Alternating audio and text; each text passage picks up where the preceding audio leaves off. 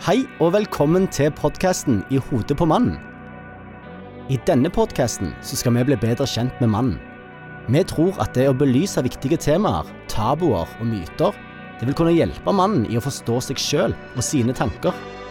Men ikke minst hvordan dette virker inn på relasjoner med andre og i et samliv. Andreas er utdanna sosionom og har en master i samfunnssikkerhet. Og I tillegg er han utdanna sexolog, hvor han i dag har egen praksis. Han foreleser òg bl.a. på Universitetet i Stavanger og forskjellige andre arenaer hvor mannen ofte er tema. Og jeg? Jeg er en helt normal mann på 35 år med en familie på fire, men som er kanskje litt over gjennomsnittet nysgjerrige. Og sammen så skal vi prøve å finne ut hva som skjer i hodet på mannen. I hodet på mannen. Med Andreas og Christer. Podkasten er produsert av Stangeland Lyd. Du, vi, vi var jo så godt i gang med å både lære litt mer om deg og snakke litt om podkasten generelt. For det er, jo, det er jo en tanke bak, eh, bak denne podkastserien. For, for du har jo opplevd og sett mye, og du gjennom jobben din som sexolog, Andreas, du, mm. du, du får jo med deg at det er ikke alt som på en måte er Alle har det ikke like bra. Ja, altså Kanskje den største erkjennelsen er at det er veldig få som går gjennom livet og har det bra.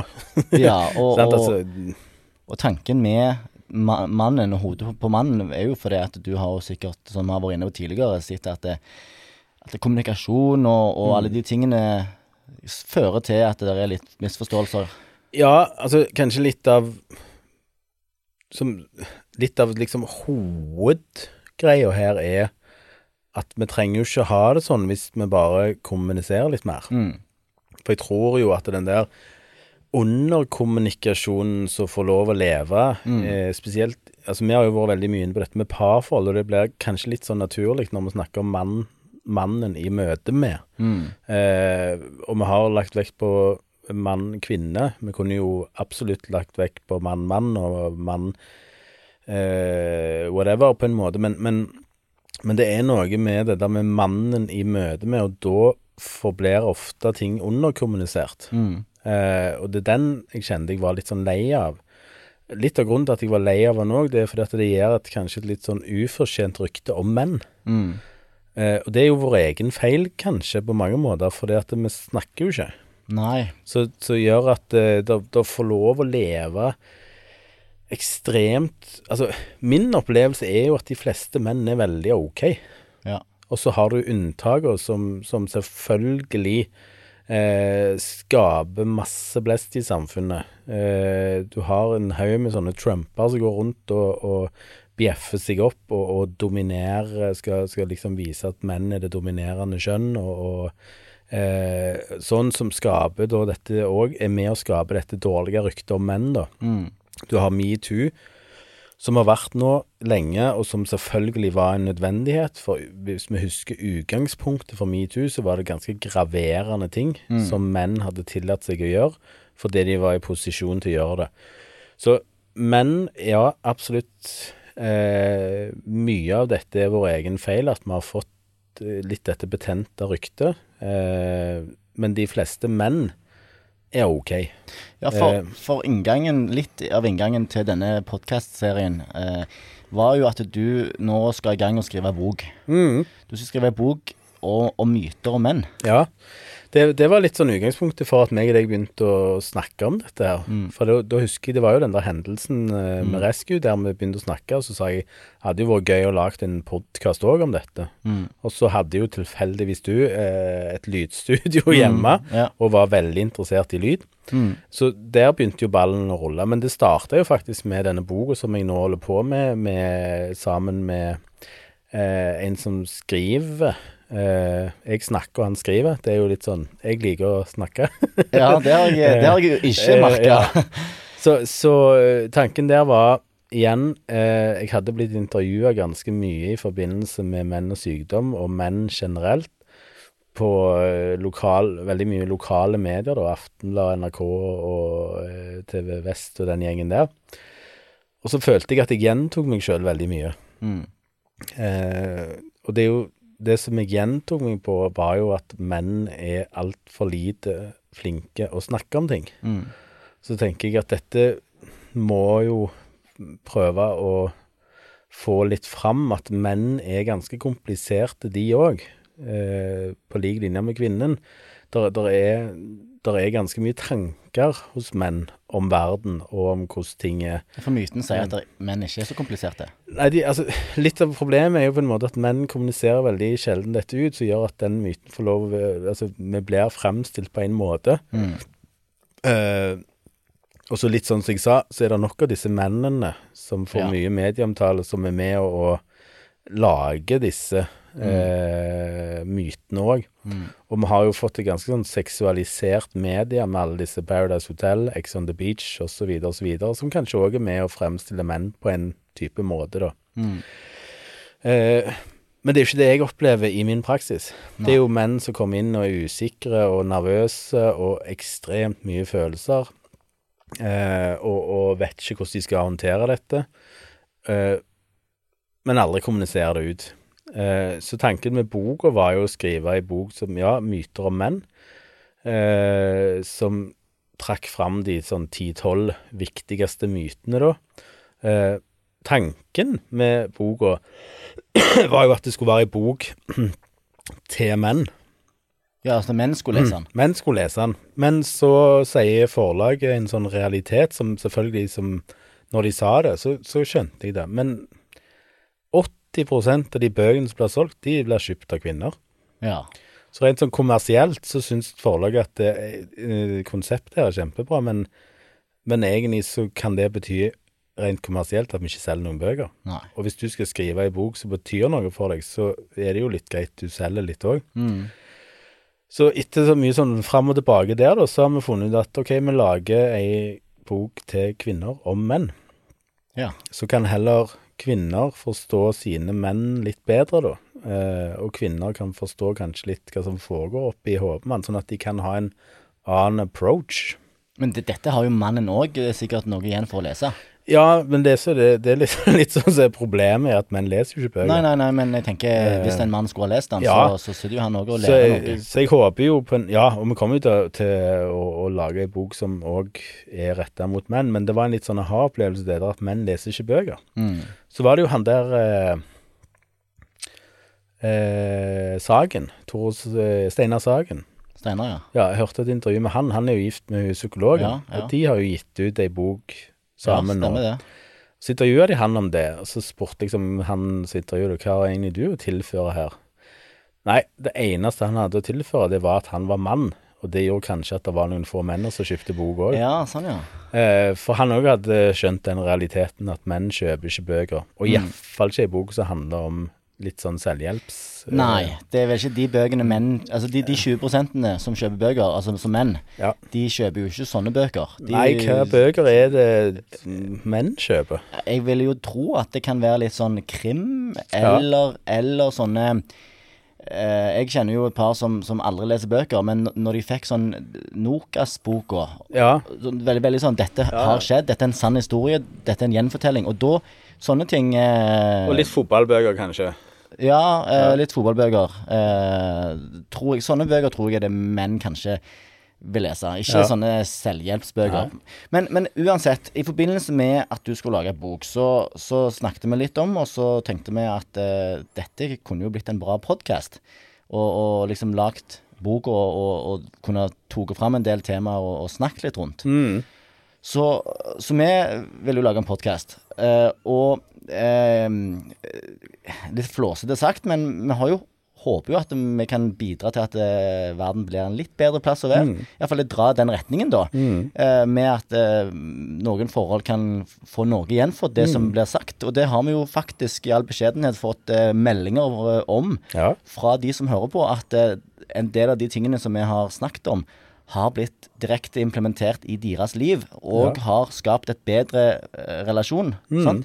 Så det er jo ikke tvil om at det, det er noen i hvert fall som har noe igjen for dette. Men da har jeg en liten sånn en appell jeg vil, for det at jeg tenker vi må fri litt de, til de som hører på. For det som starta podkast i dag, når det er en milliard andre podkaster ute, det er vanskelig. Og vi ønsker jo selvfølgelig at det skal være eh, mange som hører på denne. Eh, men vi trenger hjelp der. Ja, vi trenger litt hjelp. Fordi at det, vi, vi, vi trenger å nå ut. Ja. Og hvis det er en sånn at du har en episode du har hørt som du syns var kjempebra, så, så kan jeg be om å, å, om du bare eh, finner den, og så linker den og legger den ut på, på dine sosiale medier og sier 'dette her var steinbra, dette vil jeg at du skal høre', så kan det Ja. Vi hadde blitt glad for det. Ja, det hadde jeg blitt glad for. Mm. For vi, vi mener jo at det det, det har vi jo snakket mye om, eh, for vi har jo gått noen runder med oss sjøl. Liksom, hva, hva er det vi vil med dette? Det, det, jeg sitter jo liksom tenker på det der at det, vi lever liksom Alle lever i denne kompleksiteten eh, som parforhold er. Mm. Eh, og vi har jo en tro på at det å det er jo liksom vi- Men vi går jo, kommer jo tilbake veldig mye til dette med kommunikasjon. Sant? Mm. Altså Folk må begynne å snakke mer. Jeg tror eh, med å gi mennesker en kontekst der dette kan være en utfordring, så tror jeg vi kan skape eh, en del situasjoner hjemme som gjør at ting blir bedre. Og dette, dette er jo sånn en uh, Disse to episodene som vi har lagt uh, som ikke har et spesielt tema, det handler jo litt om å bli litt bedre kjent med meg og deg. Eh, eller mest deg. og og vi har jo snakket litt om hva du har gjort i forrige episode. Og da var det Du starta i barnevernet, og du gikk videre til UD-seksjonen. Eh, hva gjorde du etter der? Vurderer du eller din bedrift å starte med podkast? Stangeland Lyd kan hjelpe dere med hele eller deler av prosessen. Planlegger du eller din bedrift en fest eller en hyggelig sammenkomst? Stangeland Lyd leverer lyd, lys og underholdning til arrangementer i alle størrelser. Søk etter Stangeland Lyd for å finne ut mer. Ja, det var jo da jeg begynte dette her livet mitt som er blitt veldig bredt. Fordi at eh, jeg begynte på en master eh, som heter samfunnssikkerhet. Ja. I den forbindelse så spurte barnevernslederen i Stavanger om jeg kunne oppfylling med ei jente. Så tenkte jeg det er jo kjekt, sant? for da hun kjente jeg jo fra før. Så kunne jeg fylle hun litt videre. Det jeg ikke skjønte, var når han ville at jeg skulle legge meg ut som konsulent. Oh, ja. Eh, og så, når han sa det, så tenkte jeg å ja, ja, ja, så du må lage ditt eget firma, da. Å ja, ja. Så var det liksom, ja, hva For jeg trodde jeg skulle få sånn vanlige timelønn som jeg hadde i kommunen. Men nei, da skulle jeg ta sånn konsulentlønn. Fakturere. Ja, 780 kroner timen var det, og det var ganske mye den gang. Så jeg fikk jo bakoversveis. Gammel eh, sosialist, vet du. sant? Og, og, og plutselig så tok jo dette helt av. Så da hadde jeg plutselig 40 timer med oppdrag i uka. Oh, ja. Eh, og det gjorde Det skapte noe hos meg som fra å, å kanskje liksom eh, tenke at jeg må ha en trygghet, Mm. til å egentlig kjenne på at den der uforutsigbarheten og spenninga med å, å leve litt i det der uforutsigbare, det gir meg veldig mye.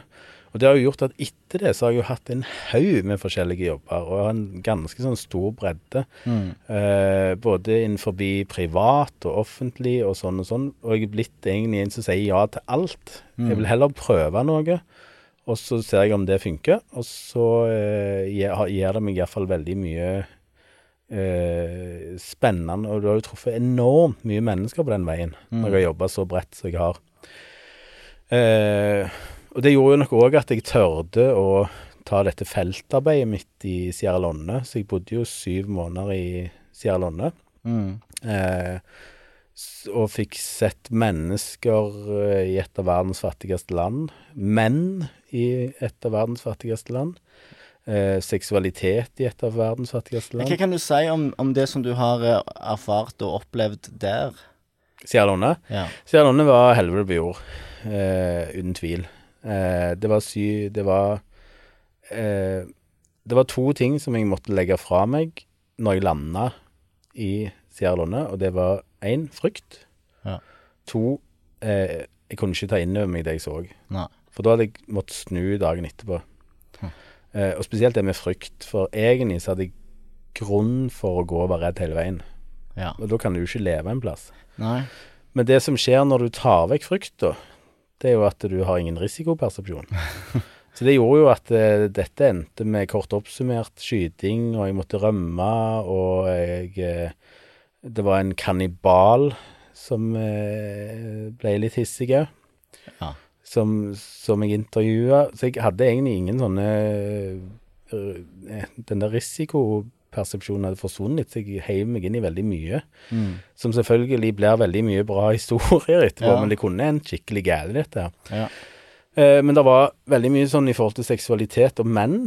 Eh, det var for eksempel én ting som var veldig spesielt med Sierra Leone, og det var at alle, eller veldig mange av de som gikk på skole, eh, hadde hatt sex med læreren, Å ja. som var mann. Hun er forelska i læreren. Ja. Bare det ikke var forelskelse, her var det tvang. Ja, ok. For å få karakter. Næsj. Ja. Og der nede, når du tar et semester, så har du gjerne 18-19 forskjellige fag. Så det var jo ikke alle mennene som var sånn. Nei. Men det var alltid én eller to eller tre. Og det ble en sånn normalitet i det samfunnet at det, det er liksom bare å ha sex, så får du karakter. Eh, veldig Det er ikke mange jobber i eh, Sierra Leone, men veldig mye av de jobbene som var der, krevde, og for, som kvinner da skulle ha, krevde et jobbintervju på kveldstid inne på et hotellrom. Nei.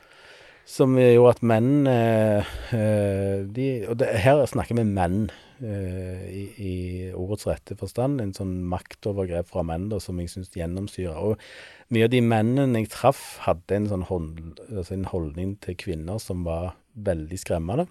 Det var ikke noe hashtag metoo der nede. Nei, og det burde det kanskje vært. Eh, jeg traff en del bushwives. Som var et spesielt eh, òg begrep, det var eh, kvinner som hadde blitt eh, voldtatt eh, under krigen. Som bodde sammen med sine voldtektsmann. Eh, for de hadde blitt gravide, og da skulle du jo bli ja, med den som var faren. Så regelen sier det. Regelen sier det. Så veldig mange kvinner som bodde sammen med de som hadde voldtatt de under krigen, da. Ha.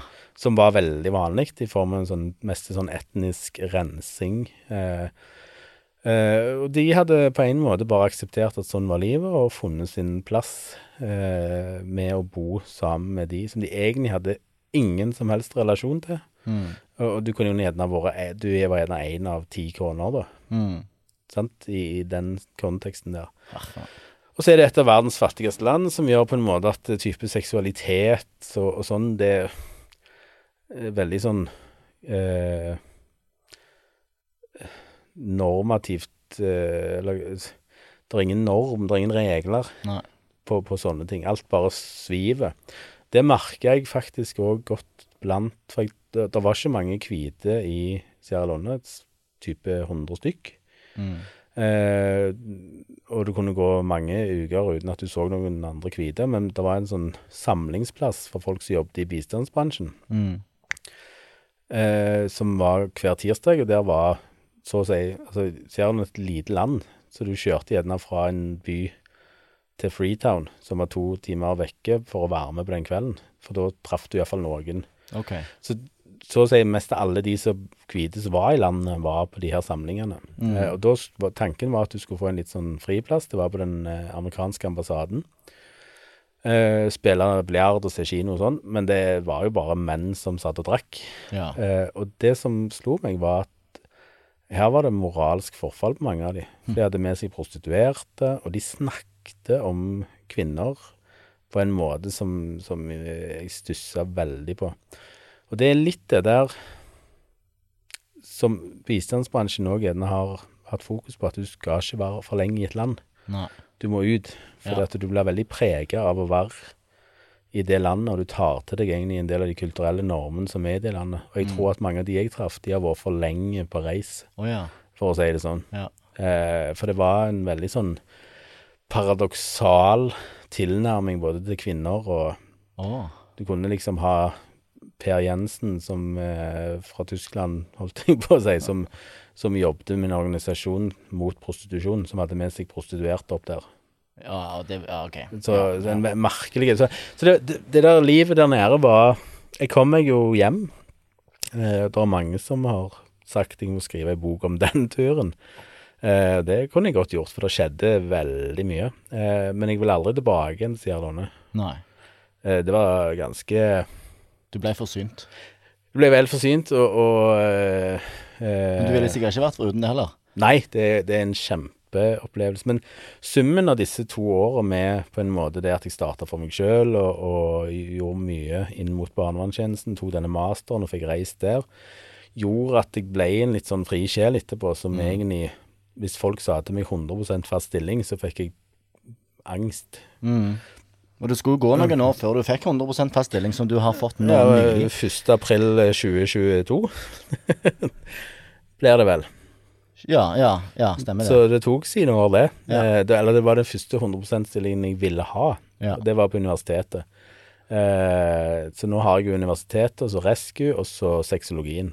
Mm, så du, har, du har jo nok å gjøre. Ja, ja, ja. Også, For du har jo to eh, små barn og, og, Ja. og ei kone og, og litt sånn. Men, eh, men eh, vi skal jo sikkert innom eh, flere av de tingene som du har opplevd, og, og du bruker jo mye av det du har opplevd i Selvfølgelig tar du med deg. Eh, men podkasten i hodet på mannen eh, framover, har, du, har du noen tanker om hva temaer og hva du har lyst til å snakke om eh, framover? Eh, Ja, jeg syns det på en måte så Det, det som har vært Vi har snakket mye om, Christer, er jo at vi en, vi må ha litt kortere episoder. Så må vi brekke kanskje en del store temaer litt ned. Mm. Så jeg tenker at en del av de temaene vi har vært innom allerede, kan vi brekke ned til litt mindre episoder og gå litt mer spesifikk inn på eh, noen momenter. Mm. Eh, og så er det jo noe som, eh, som jeg syns har vært litt sånn viktig, eh, fordi at jeg har hatt en del erfaring med det, både når jeg jobbet på sykehuset og på, eh, i sexologien, og det er jo at menn er veldig dårlige til å takle sykdom. Ja. Eh, og det skaper eh, faktisk ganske mange komplikasjoner hjemme hos folk. Mm. Så, så jeg tror vi, den må vi touche litt innom. Vi kan godt gå òg mer innom på brekke ned litt dette med porno. ja. Eh, og mm, klart det relasjonelle vil vi jo alltid være innom. Det, dette med forskjellige typer mennesker som møter hverandre, og personligheter og sånn, så, eh, kan brekke ned. Det var for eksempel ei som sendte inn et veldig bra tema, syns jeg, og det var sterke kvinner i møte med menn. Mm. Som jeg syns kan være et spennende tema å ta opp. Mm. Eh, hvordan takler menn det å være sammen med en veldig sterk kvinne? Mm. Kanskje til og med en kvinne som har en jobb der hun tjener mer enn mannen. Mm. Eh, hvordan forholder mannen seg til det? For det begynner jo å bli ganske vanlig. Ja, iallfall mer vanlig enn det var. Eh, men spør du eh, Hadde du spurt kvinnegruppen Otta nå, så hadde du fått kjeft, Christer. Jo, jo, men jeg sier ikke at det Ja, men, men um, den- Men det, det er mye mer vanlig enn det var. Og, Ja. og, og klart, heldigvis så har det vært lettere for kvinner å få godt betalte jobber. Eh, men jeg tror eh, faktisk ennå eh, det, det er litt interessant, fordi at eh, eh, Veldig Jeg var, jobbet jo på intensiven på sykehuset mm. i et par år nå, eh, og veldig mye av de casene jeg fikk, var knytta til menn som eh, var i koma. Oh. For intensiven er jo mye i koma, sant? Da er du i koma av en eller annen grunn. Der kvinnen hadde Altså kona da i forholdet hadde ikke tilgang på økonomi.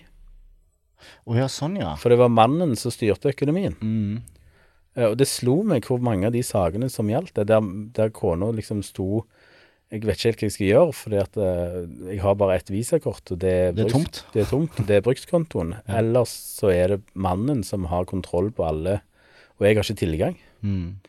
Eh, så på en måte så ligger det der og svever litt ennå, det der med, med og, og hvis, du hadde, hvis du hadde sett på snittet, så tjener nok ennå mannen bedre enn kvinnen, sånn Mm. i forhold til eh, snittet. Så, så vi har jo kommet ganske mye lengre i forhold til likestilling, men, men vi er på langt nær der at det er likestilt knytta til økonomi. Det er, jo, det er jo en stor diskusjon, og det er jo sikkert mange faktorer som ligger inne i bildet. Ja. Og det er så mye om og men der, men, men eh, vi er iallfall i rette retning. Ja, og jeg tror det kan være interessant å snakke litt om akkurat det der. Hvordan er det for en mann å eh, forholde seg til det? Mm. At en kvinne eh, tjener mer, og kanskje har en statusperson, en sterk personlighet osv. Men i 2022, er, er er det noe problem? At, at, en, at en kvinne tjener mer enn en mann? Altså er det, tror du at det er mange menn som, som har problemer med det? Eh, jeg tror eh, at, eh, det, at det er eh, ennå så ligger på en måte det som en litt sånn myte at mannen Mm. skal tjene mer. Mm. Så jeg tror nok at en del menn blir utfordra av det, Mm. at kvinnen tjener. Eh, men, men jeg tror vi har kommet ganske Altså, jeg tror at det er mange menn som syns det der er helt greit, fordi at vi har en eh, familie vi skal eh, forsørge, og det er egentlig ganske greit at begge to tjener eh, det de tjener. Mm. Eh, så, så når rammene rundt det, men, men at det både i inngangen i et forhold kan være gjerne litt utfordrende. Mm. Eh, du har ennå den diskusjonen som som jeg syns eh, lever veldig, og det er jo dette med eh, Er pappa forplikta Hvorfor skal pappa være forplikta til å ta ut disse 15 ukene? Ja. Eh, ennå i veldig mange familier, så det er et økonomisk aspekt med det. ja. Eh, men, og, men det, og det går jo over til et annet tema som jeg syns vi bør faktisk eh, ta seinere. Eh, menn i pappaperm. Eh, menn som pappaer. Menn som pappaer, ja. Ja. Ja, for der tror jeg det er mye forskjellig. ja. Eh, selvfølgelig for, for damer og for damer òg, men, men, ehm, men Det, det, det er jo, eh, vi snakket om det tidligere, at det kunne være et sånn spennende tema. ja. Eh, dette med menn, som, menn sin rolle som pappaer eller fedre. Om de tar den rollen seriøst eller skikkelig. Ja, jeg syns iallfall det er ekstremt mange diskusjoner der dette blir tatt opp, eh, både på ulike fora, men og spesielt i denne debatten som går på eh, foreldrepermisjon. Mm. Eh, og så lever den òg veldig i praksis. Jeg har hatt en del sånne sa, familier som kommer, eller par som kommer til meg, der dette blir problematisert Mm. far eller pappa sin rolle i hjemmet, eh, som skaper kanskje en del sånn konflikt i familien. Ja, for det at det er der, der er en del ennå som er litt eh, gammeldagse. Eller tenker Ja. ja. Eh, jeg tror eh, både gammeldagse, men, men eh, jeg tror på mange måter så, så lever denne her, altså i forhold til disse kjønnsrollemønstrene, den lever egentlig ganske etablert ennå. Mm. Eh, og så er det jo selvfølgelig Tror jeg igjen tilbake til litt kjernen, da. Hvis, hvis pappa eller far da syns det er litt sånn vanskelig å kommunisere ut hvem, hvem vil jeg være Mm. i møte med mitt barn. Sant? For vi mm, Litt av den røde tråden i denne podkasten har jo vært at vi snakker for lite med menn. Mm. Hvis vi da ikke kommuniserer ut hvem vi egentlig vil være, da, i forhold til dette barnet, så eh, er det gjerne vanskelig for mor òg å vite hvor mye plass Mm. far skal ta i begynnelsen. Ja. Sånn, Hvis behovet ikke blir definert, så blir mor hovedaktøren, da. Mm. Eh, og så kommer det som, som faktisk veldig mange opplever, at når far går ut i pappaperm, så har han ennå ikke skifta bleie. ja. Og eh, ja, stemmer det. Så Eh, det blir en bratt læringskurve der, for å si det sånn. ja, du kan jo ta ytterpunktet der. Jeg hadde en bekjent kvinne som eh, der opplevde at eh, dette var et etablert par. Der har hun opplevd at pappa da sa at eh, jeg eh, flytter, for han pendla til jobb. To timer kjøring. Jeg flytter inn i en leilighet det første året, jeg, for jeg trenger jo ikke være her. Nei, jeg gjør jo ikke det. Hva skal jeg gjøre her for? Ja. Jeg, jeg har jo ikke noen rolle her. Jeg har jo ikke noe å bidra med. Så, så i, på mange måter Vi snakker jo om myter, men jeg tror faktisk òg en myte er at vi har kommet så jækla langt. Mm. Og det viser jo Jeg syns, syns det der er viktig òg med dette med myter. For det er òg en myte om at vi har kommet veldig langt i forhold til seksuell legning. men det viser jo faktisk eh, hendelsene for eh, nå snart to uker siden at eh, vi har ikke kommet så langt. Nei. Eh, og nå snakkes det jo på en måte om dette hatet som kanskje er større enn på lenge. Mm.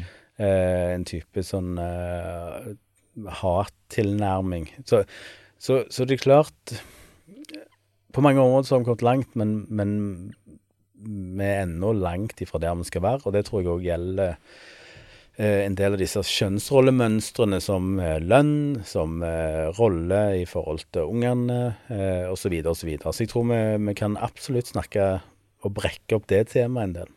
Det er mange interessante temaer uansett. Og vi får jo litt hjelp av eh, dere som hører på, til å eh, hjelpe oss med litt temaer. For eh, vi har jo en Instagram i hodet på mannen, som vi får inn litt meldinger her og der. Og følg oss gjerne. Eh, og igjen, eh, del og lik, og sørg for at vi, vi når ut. Hjelp oss gjerne med det. Og så skal vi eh, Jeg syns det har vært veldig kjekt når folk kommer med direkte forslag til tema. Det er alltid mm, gøy. Så skal vi nyte sommeren videre, og eh, snakkes vi plutselig. Det gjør vi. God ferie, Christer. Videre.